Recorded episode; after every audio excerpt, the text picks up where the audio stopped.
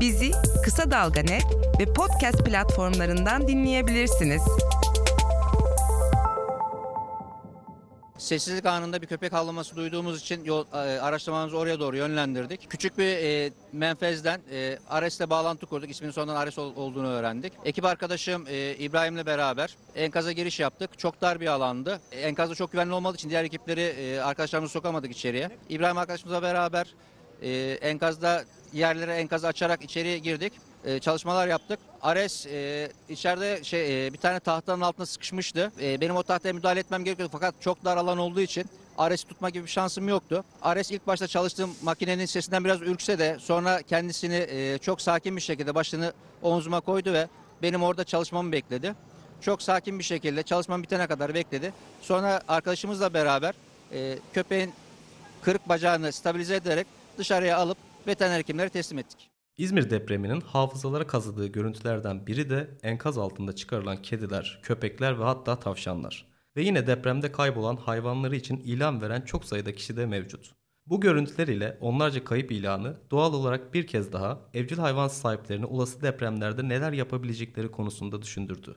Ben Kısa Dalga'dan Özgün Çağlar. Konut seçimi deprem riski ilişkisine dair hazırladığım podcast'in devamı olan bu bölümde deprem sırasında ve sonrasında en az bizler kadar etkilenen evcil hayvanlarımız için neler yapabileceğimiz konusunu veteriner hekim Gökhan Durukan'la görüştüm. Durukan, İzmir depreminin hemen bir gün sonrasında sosyal medya hesaplarından depremden etkilenen kedi ve köpekler için ücretsiz psikolojik hizmet vereceklerini duyurmuştu. Ve terapist olarak hasta yakınlarından çok hızlı geri dönüşler aldıklarını söyleyen Durukan, kendilerine gelen vakalar arasında yemek yemeyen, agresifleşen ya da saklanan hayvanların ağırlıkta olduğunu belirtiyor. Yaklaşık 5 yıldır hayvan davranışı ve psikolojisi üzerine çalışan Durukan'a göre depremler hayvanlar için de büyük bir travma kaynağı. Şunu söyleyebilirim. Hayvanlar bu durumda çok ciddi etkilendiler.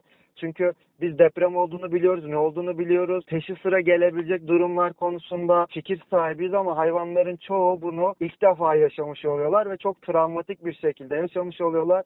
Depremler sırasında hayvanların sıklıkla saklanma davranışı gösterdiğini aktaran Durukan, İzmir depreminde kurtarılan kedi ve köpeklerin genel olarak saklandıkları yerlerden çıkarıldığını hatırlatıyor. Durukan, deprem sonrasında hayvanların yaşadığı kaygı ve strese dair şu bilgileri veriyor. Ee, burada temel olarak şöyle bir durum ortaya çıkıyor. Ee, travma sonrası stres bozukluğu olarak biz bunu görüyoruz. Ee, bu da e, bazen olayın olduğu andan itibaren devam ediyor. Bazen daha sonraki süreçlerde ortaya çıkabiliyor. Ee, temel olarak her canlının stresi aynı insanlarda olduğu gibi hayvanlarda da stresi algılama, stresi yaşama, stresi tekrarlama ya da stresi e, tetikleyiciler tamamen birbirinden farklı olduğu için hayvanlarda da bu konuda net şöyle bir gün, üç gün, beş gün dememiz mümkün değil ama genel olarak e, stresleri arttığı için biz bunu e, en somut haliyle şöyle görüyoruz. İnsana olan bağımlılıkları artabiliyor. Aksi halde bazı durumlarda insanla olan etkileşimleri çok e, net bir şekilde bozulabiliyor. Saldırganlık gözükebiliyor.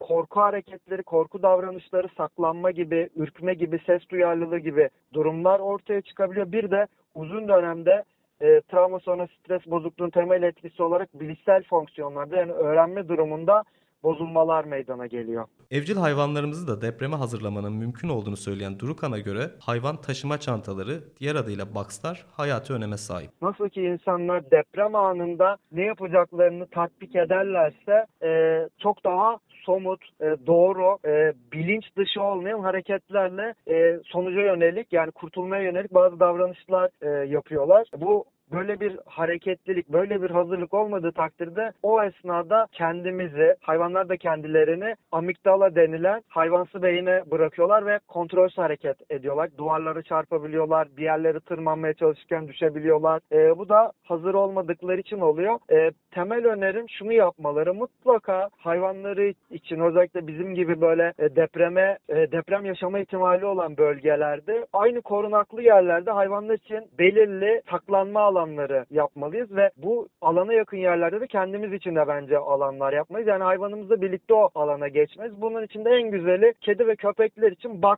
sistemi. E, kedimizi köpeğimizi box'a alıştırırsak, deprem anında oraya yönlenebilirsek hem bir deprem anında yan yana olabiliriz. Ona ona müdahale etme, onu destekleme, onun hayatta kalabilme şansını arttırırız. Birinci olarak. ikinci olarak da bir problem dahilinde hemen box'ımızı alıp kedimizle köpeğimizle rahat bir şekilde ortamda tahliye olabiliriz ve dış ortamda da e, yarın öbür gün e, orada kalma süresi, dış ortamda kalma süresi uzadığında onun zaten kendine ait bir alanı olacaktır. Bu da bu süreci olabildiğince daha verimli ve daha kaliteli geçirmesine destek olacaktır. Peki evcil hayvanlarımız için deprem sonrasında kendimizin yapabileceği şeyler neler? Hangi noktadan sonra profesyonel destek almalı? Durukan şöyle cevaplıyor. Kesinlikle e, normal kedi ve köpeklerle birlikte yaşayan hasta yakınlarının e, mutlaka yapabilecekleri uygulamalar var. Bunlar başlangıçta stres düzeyleri çok yükseldiği için kedi ve köpeklerin stres seviyesini düşürecek uygulamalar yapmak. Bunun da en başında şu geliyor.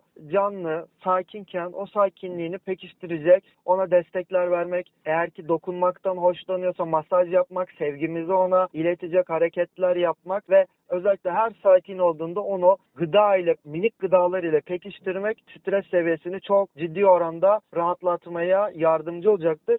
Somut olarak birkaç tane öneri daha verebilirim. Yattığı ve dinlendiği yerlerde peluş gibi, polar battaniye gibi alanlar onların rahatlamasına destek olacaktır. Ve klasik müzik orta tonda canlıların e, rahatlaması, tansiyonlarının düşmesi, streslerinin azalması için çok e, yardımcı olacaktır. E, bunları yapılmasına rağmen iki hafta gibi bir sürede e, semptomlarımızda yani belirtilerimizde bir artım olursa örneğin kaçma artışı, saldırganlıkta artış, iştahsızlık, tuvalet düzeninin hatalı olarak e, tuvalet kabı ya da dışarıdaki ortam yerine evdeki başka yerlere yapılması gibi e, ciddi anlamda göstergeler olduğunda evet o durumda artık sizin yapabileceğiniz çok fazla bir şey kalmadı demektir. Mutlaka profesyonel destek alınmasında fayda vardır. Son olarak Durukan'a göre evcil hayvanlarımız için de deprem çantaları hazırlanmalı. İdeal evcil hayvan çantasının içinde olması gerekenler açıkçası biz sahiplerinin deprem çantalarından çok da farklı değil. Hayvanın kronik ilaçları varsa deprem sonrası hayat normale dönene değin ihtiyacını karşılayacak şekilde depo edilmeli. Tabi son kullanma tarihleri sık sık kontrol edilmeli. Temiz su ve mama. Hızlı bozulma riski nedeniyle yaş mamalar özellikle konserveler tercih edilmeli. Hayvan giysi giyiyorsa giysileri, giymiyorsa polar battaniye olmalı. Kayış ya da tasması bulunmalı. Fleksibantlar, pamuk, batikon, oksijenli su gibi ilk yardım malzemeleri ile toza karşı göz damlaları yer almalı. Depremden etkilenen evcil hayvanınıza yardımcı olmak için vetterapistonline.gmail.com adresinden ya da sosyal medya üzerinden veteriner Gökhan Durukan'la iletişim kurabilirsiniz. Bizi Kısa Dalga ve podcast platformlarından dinleyebilirsiniz.